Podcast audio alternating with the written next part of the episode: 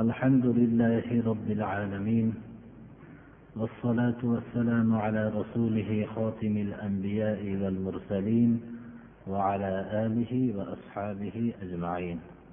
أما بعد السلام عليكم ورحمة الله.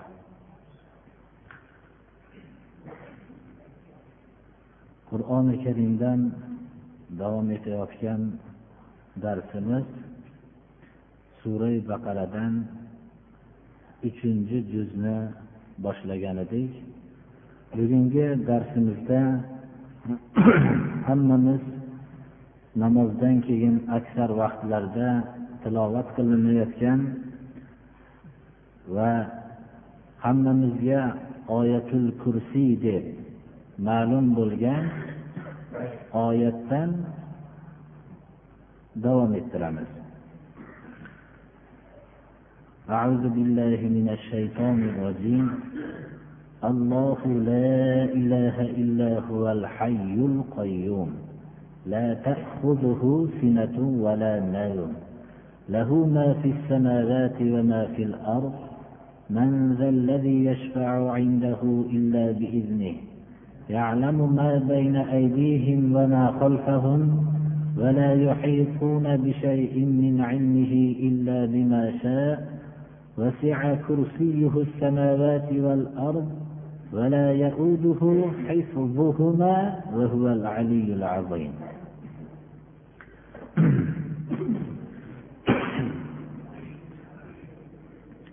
oyatul kursiy oyatining yuqoridagi oyatlarga bog'lanishligi yuqorida ko'p payg'ambarlar kelgandan keyin bo'lgan ixtilof va ixtilofning hatto jang darajasiga borganligi bu jang darajasiga borgan ixtilof allohning mashiati bilan bo'lganligi bayon qilinganligi ya'ni odamlar hammasi o'rtalarida turli qobiliyatlar bilan yaratishlikni olloh o'zi xohladi. Odamlarning bir matbaadan chiqayotgan bir xil kitob nusxasidaqa bo'lib yaralishliklarini xohlamadi. Ularning turli qobiliyatlarda bo'lishliklari ularning ayni bir birlariga ehtiyoj bo'lishlik orqasidan ittifoq bo'lishliklariga sabab bo'lishligi uchun shu qobiliyat bilan yaratdi. Ya'ni turli qobiliyat bilan yaratdi. Lekin ularning farqli bo'lishliklari boshqa tarafga payg'ambarlar olloh tarafidan aniq hujjatlarni olib kelgandan keyin burildi. Ular turli ixtilofli yo'llarga ketishdi. Bular o'rtasidagi ixtilof iymon bilan kufr darajasiga yetdi. Ixtilof kishilar o'rtasida iymon bilan kufr darajasiga yetganda olloh bu yerda qitol bo'lishligini xohladi. Chunki kufr iymonning turishligini xohlamaydi. Iymonning yashashligini biror bir daqiqa xohlamaydi.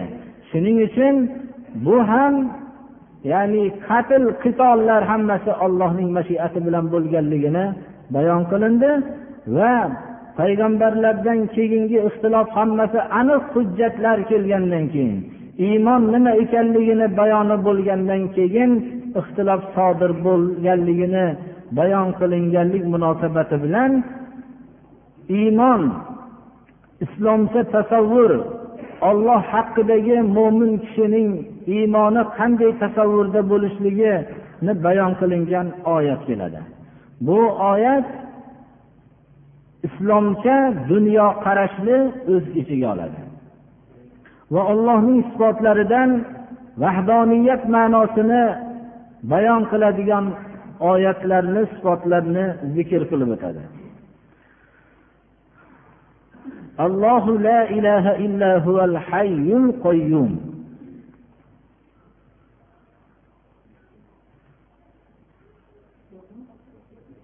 Allohu la ilaha illa huval hayyul qayyum oyati ollohning yakka ekanligini va yagona ekanligini hasr uslubida bayon qilyapti. Alloh subhanahu va taoloning yakka yagonaligi bu xalqlar o'rtasidagi butun kelishilmagan mushriklar bilan musulmonlar o'rtasidagi kelishilmagan masalalarning bittasidir birodarlar.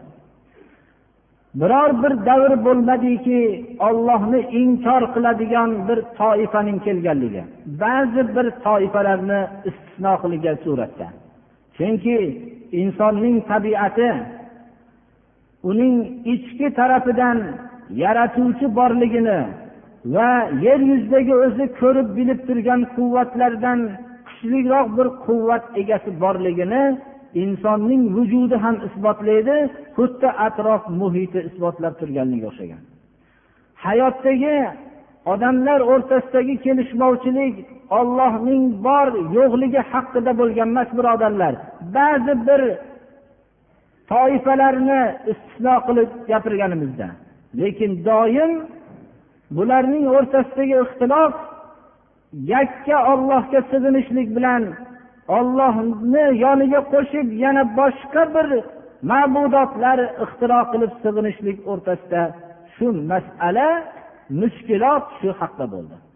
Alloh subhanahu va taolo tarafidan kelgan payg'ambarlar hammasi xalqlarga olloh borligini e'lon qilishlik uchungina kelishgani yo'q. Ularning asosiy bayon qilgan narsalari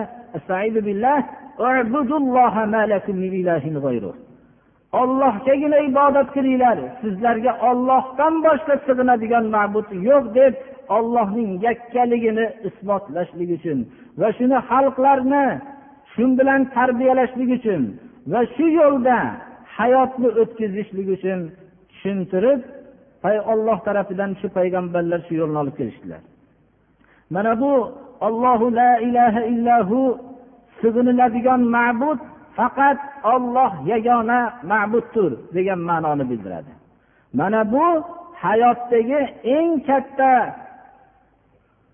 muammo shu edi agar xalqlar yakka ollohning o'ziga sig'inishlikni ham tasavvurlarida ham hayot yo'llarida shuni tadbiq qilib olishsalar unda hayotdagi hamma muammolar hal qilingan bo'lardi qaysi bir xalqlar adashgan bo'lsa to'g'ri yo'ldan ozigan bo'lsa ular yakka ollohga sig'inishlikdan chiqqanligidan ozishdilar ular.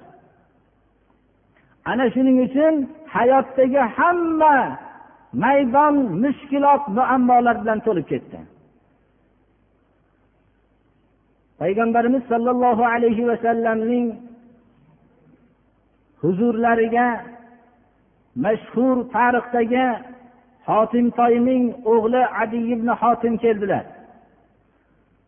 Kelishining sababi shu ediki singlisi islom qo'lida asira bo'lib qolganda rasululloh sollallohu alayhi vasallamga hotim toyni qizi ekanligi e'lon qilingandan keyin payg'ambarimiz sollallohu alayhi vasallamning odati sharifalari bir qavmning peshvolari kelsa hurmat qilardilar. Hotim toyning mashhur sahiy bo'lib tarixda nomi qolgan kishining qizi bo'lganligi uchun ko'p marhamatlar qilib o'zining viloyatiga javob berdilar.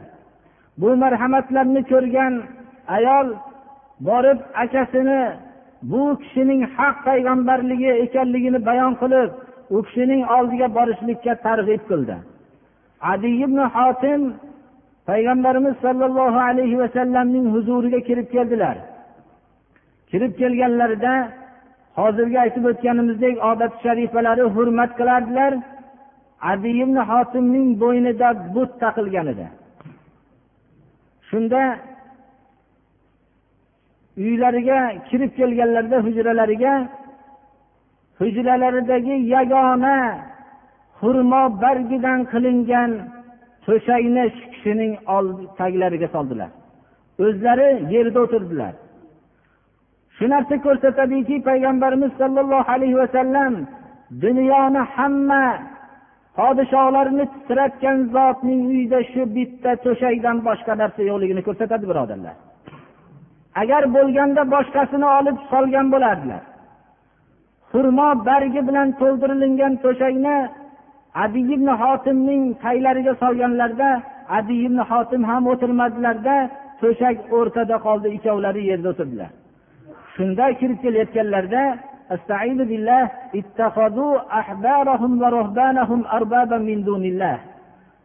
yahudiy nasorolar o'zlarining olimlarini peshvolarini ollohni qo'yib o'zlariga tarbiyat kunanda qilib olishdi degan mazmundagi oyatni o'qidilar. Adi ibn hotim yo rasululloh yahudiy nasorolar o'zlarining peshvolariga ibodat qilishgan emasu deganlarida aytdilarki yo'q ibodat qilishganlar. Halolni harom deyishgan vaqtda qabul qilishganlar. Haromni halol deyishib berganda uni qabul qilishganlar. Mana shu ibodati ularning dedilar. Ana shariati islomiyada harom qilingan narsani kim bo'lishligidan qat'iy nazar halol degan bo'lsa shu odamni so'zini bir kishi qabul qilgan bo'lsa shunga rasululloh sollallohu alayhi vasallamning shahodatlari bilan ibodat qilib mushrik bo'lgan odam hisoblanadi.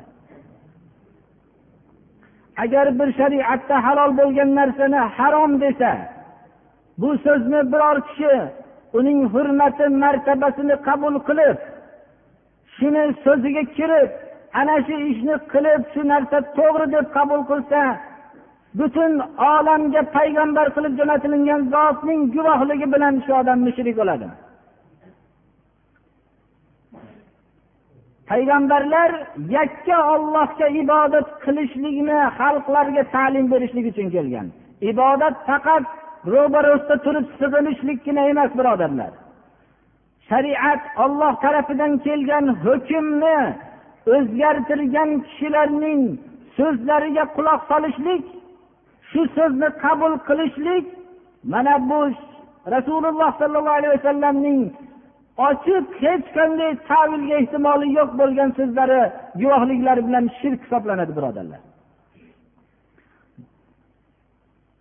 Shu yerda shu voqeani biz shu yerga diqqatga sazovor joyini ham o'ylashimiz kerakki adi ibn hotimni hurmat qildilar. Hatto yagona to'shaklarini taglariga solib hurmatladilar. O'tirishlikka ko'p taklif qildilar. Lekin kirib kelgan vaqtidagi butlarini taqib kirganligini ayamasdan haqni aytdilar. Biz ham hurmat deganda shariat doirasidan chiqmagan holatda hurmat qilishligimiz mumkin. Ammo shariatga xilof bo'lgan vaqtda har qanday o'rinda to'g'ri yo'lga yo'llab qo'yishlik bu hurmat qilganlikka zid amal emas birodarlar. Allohu la ilaha illahu olloh yagona sig'iniladigan ma'bud yer yuzida koinotda hech qanday ollohdan boshqa sig'iniladigan ma'bud yo'q degan so'zni aytgan odam hayotida ham shunday yagona ma'budga sig'inishligi kerak. U zotning sifatlaridan bittasi al hay komil hayot egasi. Bu hayot insonlarga berilingan hayotga o'xshamaydi. U hayotning qandayligini banda kayfiyatini bilmaydi. Shunchalik biladiki al hay ya'ni komil hayot egasi. Al qoyyum alloh subhanahu va taolo butun maxluqotning koinoti yerdagi hamma mavjudot jonli jonsiz hamma mavjudotning boshqaruvchi ularga kerakli bo'lgan narsalarni muhayyo qilib ularga hamma yashashidagi kamolot topishidagi kerakli bo'lgan narsalarning hammasini bajaruvchi xalqning tadbirini bajarib turuvchi zot deganini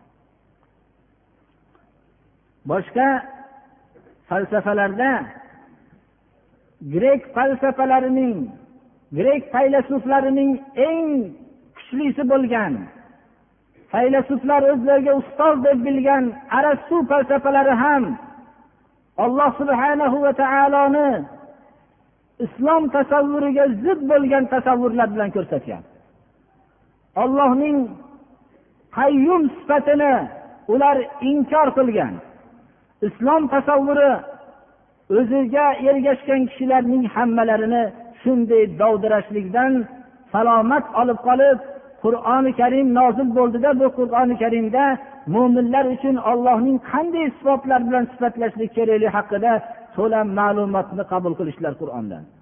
Al qoyyum butun mavjudotning jonligu jonsiz hamma mavjudotning koinoti yeridagi hamma mavjudotni boshqaruvchi zotdir arastu falsafasini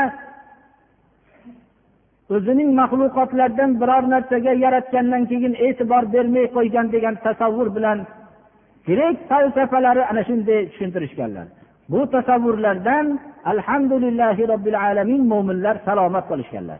Ya'ni bu narsa shuni ko'rsatadiki bu so'zimiz bilan aytmoqchimizki aql bilan inson faqat o'zi yo'l topaman degan vaqtda eng faylasuflarning o'tkiri bo'ldi deb hisoblangan faylasuflar tili bilan aytganda arastular ham shu darajada adashgan. Shuning uchun alloh subhanahu va taoloning sifatlarini hammasini biz samoiy deb olloh o'zini qur'oni karimda payg'ambarimiz sollallohu alayhi vasallam mana asmoul husno bilan butun sifatlarni bayon qilganlar shundan boshqa sifatlar bilan shariat tarafida kelgan sifatlardan boshqa sifat bilan ollohni sifatlashlikka hech kimni haqqi yo'q ana.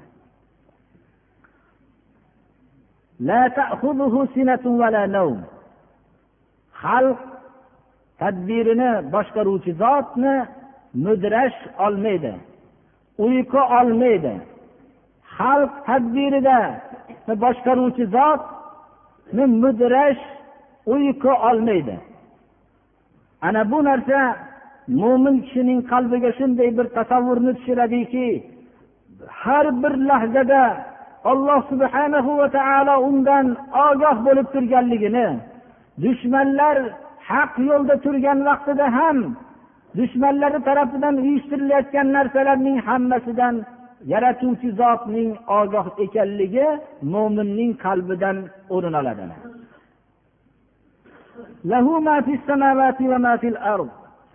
koinoti yerdagi hamma narsa ollohning o'ziga xos mulkdir mana. Bu oyat mulkiyat alloh subhanahu va taoloning o'ziga xos ekanligini bildiradi.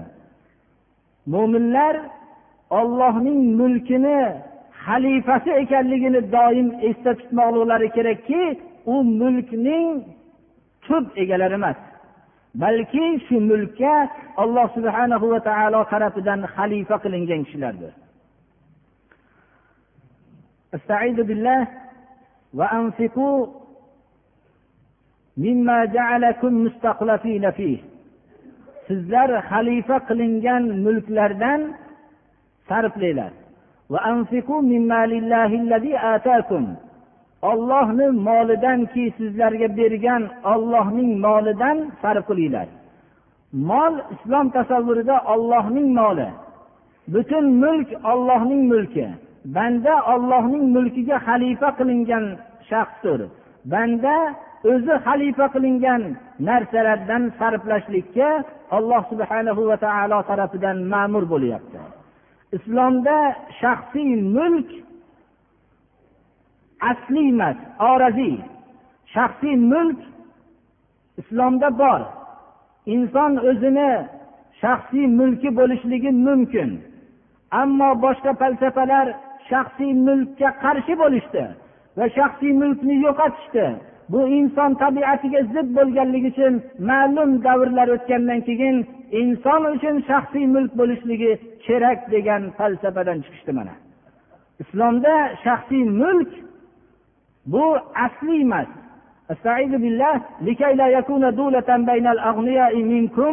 Sizlarning ichinglarda davlatmanlarning o'rtasidagina moli davlat to'planib qolmasligi uchun degan oyatdan ulamolarimiz agar biror bir xalqning ehtiyoji og'ir ehtiyojlar paydo bo'ladigan bo'lsa kishilardagi shaxsiy mulkka islom hukumati tarafidan u fuqarolarga olib beriladi.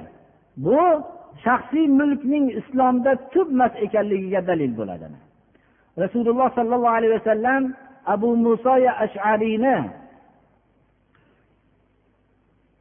ashariylar qabilasini maqtadilarda ular bir safarda bo'lishsalar yo shaharda bo'lishsalar agar o'rtalarida ehtiyojlik paydo bo'lib qoladigan bo'lsa hammalari mulklarini o'rtaga olib chiqib barobar taqsim qilib yeyishib kiyishadilar dedilar.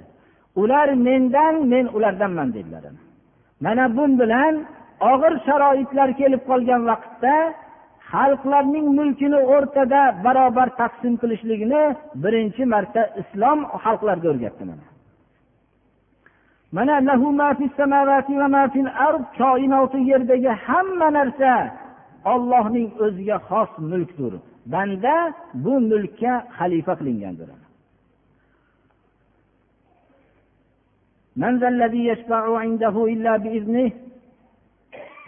Koinotu yerdagi hamma narsa ollohning o'ziga xos mulk bo'lar ekan. Olloh komil hayot egasi bo'lar ekan. Olloh butun xalqning tadbir boshqarishlikni o'zi boshqarar ekan. Olloh yagona ma'bud sig'iniladigan zot bo'lar ekan. Ollohni huzurida ollohni ruxsatisiz shafoat qiladigan kim? Alloh subhanahu va taoloning bu so'zi ba'zi bir kishilarning o'zi hali jannatga kirishligi tashvishi bo'lmasdan boshqalarni ham olib ketaman degan odamlar uchun zilzila paydo qiladigan oyat. Ollohni huzurida ollohni ruxsatisiz shafoat qiladigan kim? Hech kim ollohni ruxsatisiz shafoat qila olmaydi. Olloh ruxsat bergandan keyin shafoat qiladi. Unda ham bu oyat ulug'iyat bilan ubudiyat o'rtasidagi aloqani suratini ko'rsatyaptiki olloh shafoatga ruxsat bergan vaqtida shu ruxsatni ubudiy bajarishlik ubudiyat vazifasi bo'lganligi uchun ollohning buyrug'i bilan vositasi bilan shafoat qiladi. Bunda ham ollohning buyrug'iga bo'ysunib shafoat qiladi. Mana bu oyatni biz yaxshi anglashligimiz kerakki va shu bilan birga hadis shariflarda bayon qilinganki shafoatning barhaq ekanligini. Muhammad alayhissalom shafoat qiladilar. Osiy ummatlarini shafoat qiladilar alloh hammamizga u kishining shafoatidan nasib qilsin. Lekin shunchalik vahiy bilan o'zlarining shafoat qilishliklarini bilgan zot tashvishda bo'ldilar va hayotlarida aytdilarki har bir payg'ambarning payg'ambarga alloh subhana va taolo ijobat qilinadigan duo berdi. Men shu duoni oxiratga olib qo'ydim dedilar. O'zlarining butun hayotlarida ozor berib u kishining tug'ilgan vatanlaridan va qur'oni karimda ummul quro deb atalgan makkadan haydab chiqargan kishilarning haqida ham duoibat qilmadilar. Shu duoni rasululloh sollallohu alayhi vasallamning shu yo'llarida osiy bo'lib yurgan kishilariga olib qo'ydilar. shu duoni hamma payg'ambar dunyoda ishlatdi dedilar ammo men shuni oxiratga olib qo'ydim dedilar yana shunchalik tashvishda bo'ldilarki استعيذ بالله ومن الليل فتهجد به نافلة لك عسى أن يبعثك ربك مقاما محمودا kech kechqurunda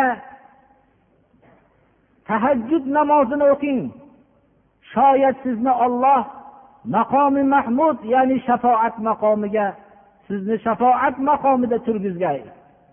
Mana bu oyat kalimadan ham shunchalik alloh subhanahu va taolo tarafidan shuncha oyatlar shuncha vahiylar bilan shafoat qilishliklarini bilgan bo'lsalar ham vasiyat qildilarki azondan keyin har bir mo'min odam maqomi mahmud ya'ni shafoat maqomini olloh menga nasib qilishligini duo qilib so'rasin dedilar lekin shafoatlari haq. Hadisi shariflarda boshqa fozil komil muttaqiy kishilar ham qiyomat kuni sanoqli olloh ruxsat bergan miqdorda o'zining qarindoshlaridan osiylarni do'zax o'ti vojib bo'lgan gunohining ko'pligi bilan do'zaxga kirishlikka sazovor bo'lgan kishilarni shafoat qiladi degan hadis shariflar bor lekin hech kim men shafoat qilaman deb aytishlikka haqqi yo'q. Alloh subhanahu va taolo bu oyatda kim ollohni huzurida ollohni ruxsatisiz shafoat qiladigan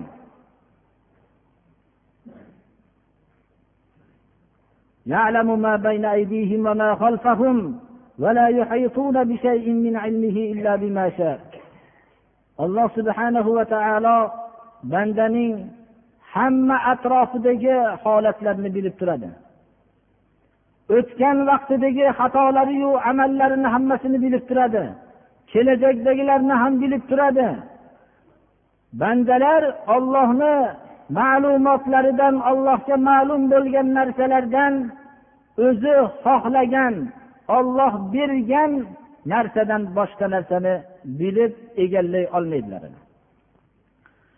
Inson ozgina ilm paydo bo'lgandan keyin xususan biror bir dinga mansub bo'lmasa ba'zi narsalarning bilganligi bilan ilmga maftun bo'lib hamma narsani bilishlik mumkin degan xulosa paydo qiladi. Lekin bu ilmning avvalgi bosqichlarida paydo bo'ladi. Ana hozirgi vaqtni ham sal ilgari vaqtlarda ham hamma olimlar hamma narsani ilm kashf qilib isbotlaydi degan olimlar hozir oyoqlarini ostidagi ba'zi tepalarida uchib yurgan narsalarning nima ekanligiga hayron bo'lishib qoldilar. Alloh subhanahu va taolo faqat insonni yer yuziga xalifa qildi va xalifalik uchun kerakli bo'lgan ilmlarni berdi. Olloh o'zi xohlagan ilmlarni berdiki bundan boshqa ilmlar uning xilofat vazifasiga hech qanday taalluqi yo'q edi. Shuning uchun banda shu tasavvurda bo'lishlik kerakki ollohning ilmlaridan ollohga ma'lum bo'lgan narsalardan banda olloh o'zi xohlagandan boshqa narsani egallolmaydi olloh insonni xalifa qilib yer yuziga yaratdi va xalifaligi uchun kerakli bo'lgan narsalarni berdi. Xalifalik uchun g'ayibni bilishlik zarar qilardi birodarlar. Mabodo bir kishi o'n kundan keyin o'lishini bilsa shunda u dunyodagi xalifalik vazifasini bajarmaydi. U o'n kun ichida tamomiy yig'lab shu kunda dod faryod bilan o'zi shu bir holatda qoladi. Na farzandiga na o'zining oilasiga na atrof muhitga na odamlarning ehtiyojiga quloq soladi. U xilofat vazifasi uchun yaratilingan yer yuzidagi xalifalik vazifasini o'tashlik uchun kelgan. Shuning uchun g'ayb ilmlarni bilishlik unga xalaqit beradi qo'pol qilib aytganimizda. Shuning uchun alloh subhana va taolo insonga kerakli maydonlardagi ilmni berdi. Inson ba'zi ma'lumotlarda yuqori bosqichlarga erishishligi bilan u o'zining haddida yo'q bo'lgan ilmlarni ham bilaman deb davo qilishligi mumkin emas. Islom kishilarning har qancha ilmli bo'lishsalar ham mana bu tasavvur bilan tarbiyalaydiki ollohning ilmidan olloh bildirgan narsalardan ollohga ma'lum bo'lgan narsalardan olloh xohlagandan boshqa narsani egallay olmaysizlar degan oyat bilan ulg'ayadi shu tasavvur bilan yashaydi.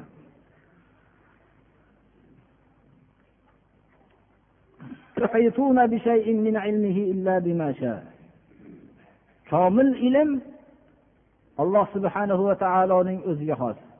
Yer yuzida har bir ilmli kishidan ilmli odam bo'ladi. Har qanday katta olimni ko'rganingizda bundan ham ortiqroq olim bo'ladi. Oxiri borib alloh subhanahu va taologa tutashadiki olloh komil ilm egasidir har besha gumon mabarki xolis shoyatki falang xista boshad. Har bir o'rmonni sen xoli deb o'ylamagin. U o'rmonda sen xoli deb gumon qilgan o'rmonda bir yo'lbars uxlab yotgandir ana. har bir suhbatda har bir jamoada bu olim yo'q deb o'ylamagin har bir jamoada olim yo'q deb o'ylamagin balki bu yerda yo'lbars misolidagi olimlar uxlab yotgandir bordir ana shu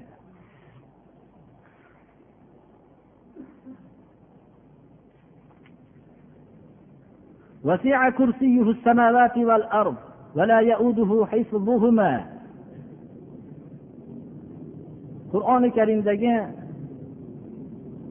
kursiy kalimasi odatda mulk ma'nosida iste'mol qilinadi. Hadis shariflarda sahih hadislarda kursiy arsh haqida biror bir tafsir bunga aytilgan emas. Chunki kursiy va arsh haqidagi oyatlarni ashobi ikromlar o'tgan hamma mufassir zotlar bular tushunishganlarki o'zlarining istilohlari bilan bundan nima murod ekanligini. Shuning uchun har xil sahih hadislarda kelmagan fikrlarni kursiy va arsh haqida har xil mulohazalar aytishlikni o'zimizga munosib ko'rmaymiz. Shuning uchun bu yerdagi kursiy ma'nosi ko'proq mulk ma'nosida iste'mol qilinadi. Ollohning mulki ollohning ilmi koinotu yerning hammasiga yetarlik siqqandir. Biror o'rin yo'qki ollohning mulki u yerga taalluq topmagan. Koinoti yer deganda birodarlar bu yer bir go'yoki ollohning mulkini oldida bir zarra misoli kichik narsa hisoblanadi. Xususan hozirgi olimlar buni yaxshi bilishadilar. Juda katta yulduzlar turkumi bularga nisbatan yer taalluqli bo'lgan olam ham bir kichkina bir turkumni tashkil qiladi. Ollohning mulki nihoyat darajada keng. Ollohni mulki koinoti yerning har bir qismiga sig'a olgandir ana. Inson koinoti yerdagi xususan hozirgi ilmlardan xabardor bo'lgan kishilar shunchalik katta bir maydonni tasavvur qilgandan keyin ollohni bu maydonlarni himoya qilishlik og'irlik qilmasmikin degan tasavvur paydo bo'layotganligi vaqtida alloh subhana va taolo bu tasavvurni rad qilib koinotu yerni muhofaza qilish buni saqlash allohga og'irlik qilmaydi. Olloh oliy zotdir. Azim buyuk zotdir ana.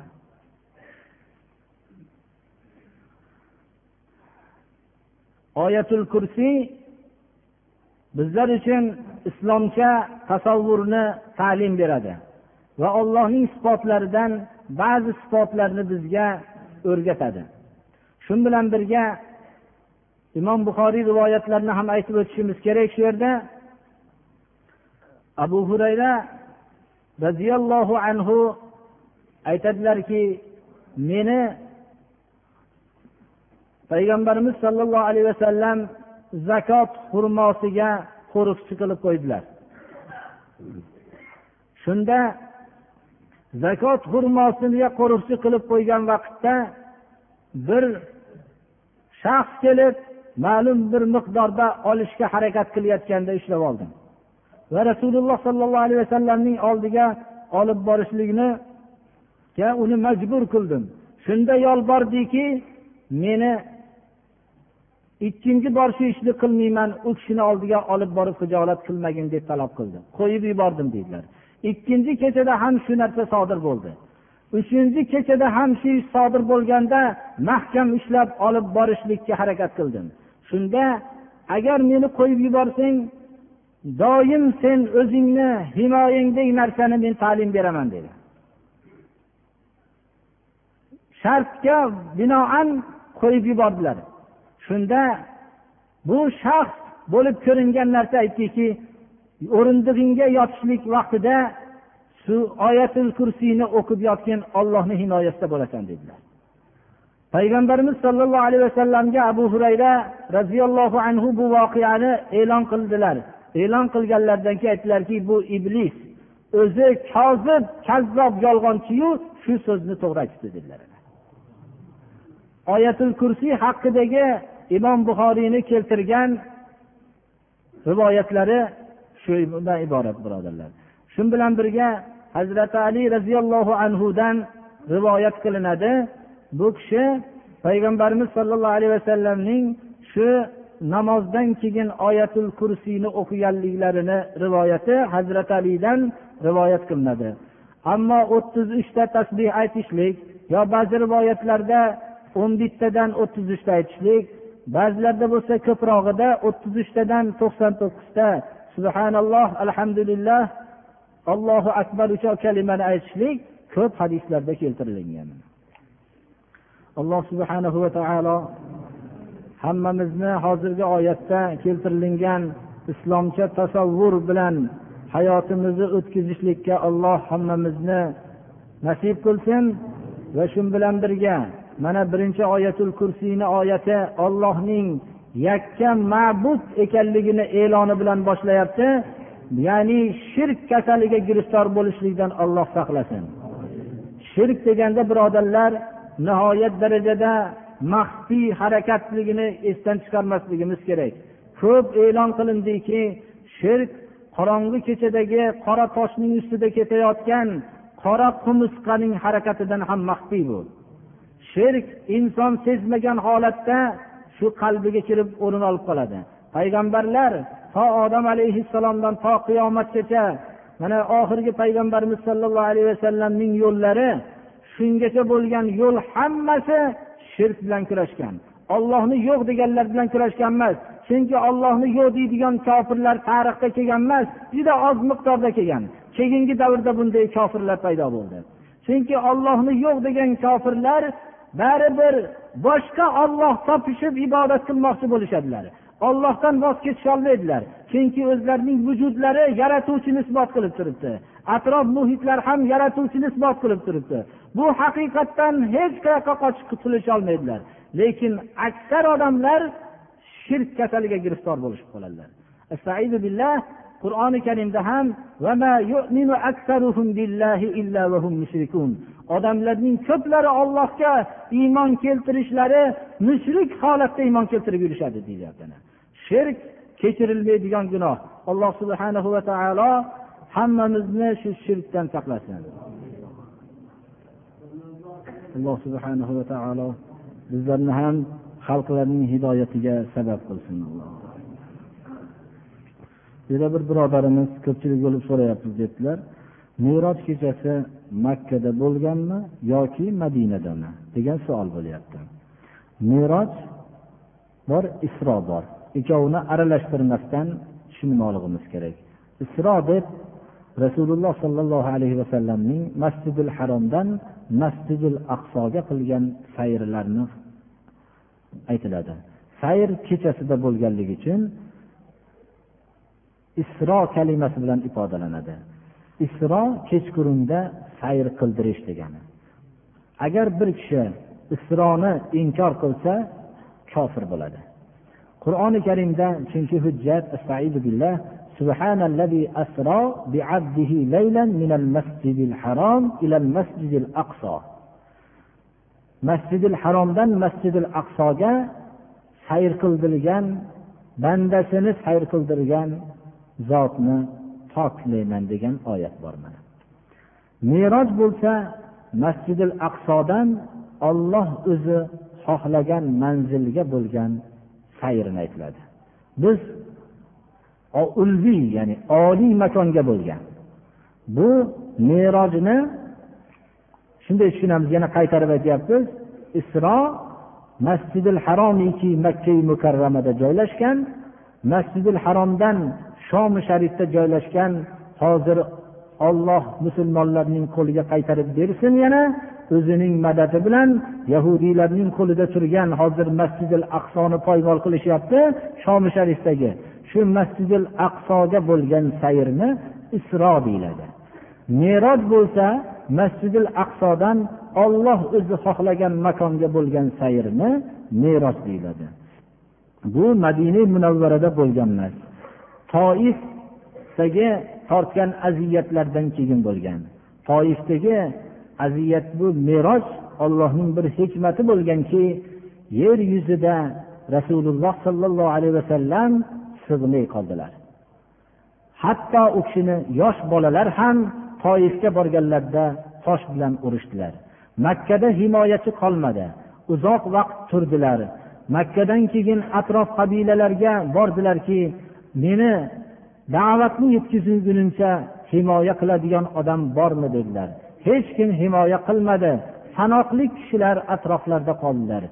Abu bakr roziyallohu anhu bularning qo'llaridan hech narsa kelmadi chunki kuch hammasi mushriklarda edi ana shunda toifga bordilar. Toif viloyatiga borganlarida shu yerdan madad kutib borganlarida ular madad berishlikni o'rniga bolalarini buyurib go'dak bolalarni ham hatto butun olamga rahmat qilib jo'natilingan zotni urishga buyurdilar. Toshlar bilan urishdilar zaydulli horisa u kishini himoya qilib turardilar lekin himoya qilib qanday himoya qiladilar faqat toshni o'zlarini tutib beradilar xolos bir kishi ko'p bolalar masxara qilib urishardi ana shu vaqtda yer yuziga hamma musibatni tortgandan keyin musibat nihoyasiga yetgandan keyin olloh o'zining payg'ambarini yer yuzidagi odamlar tanimagandan keyin o'zining huzurida katta bir sayr qildirdi buni meroj deymiz. Musibat shuning uchun mo'minlar tushunishi kerakki qanchalik boshlariga haq yo'lda musibat kuchaygan sari keladigan ne'mat ham shunchalik katta bo'ladi.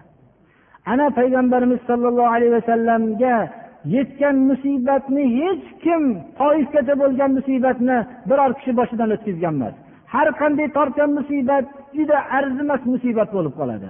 Ana shu vaqtda yer yuzida hech kim u kishini tanimay qolgandan keyin himoya qilolmagandan keyin olloh o'zining huzurida sayr qildirdi butun olamda olloh o'zi ko'rsatdi hech bir insonga nasib bo'lmagan payg'ambarlarga nasib bo'lmagan ne'matini ko'rsatdi merot shudir.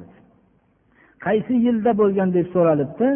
Yili hozir men aniq o'zim aytgani xato qilib qo'ymay deyapman toif voqeasidan keyin bo'lgan mana. Alloh taolo shu savol bergan ekanmiz ham mana ko'p shuni aniqlanib qolishligi avval ham berilgan ekan men bilmay qolgan ekanman. O'zini shu islom haqiqatlarini bilishlikka alloh nasib qilsin amin. Alloh taolo hammamizni gunohlarimizni mag'firat qilsin ibodatlarimizni qabul qilsin. Alloh subhanahu va taolo mehmonlarimizni ham qadamlariga hasanotlar bersin allohu akbar.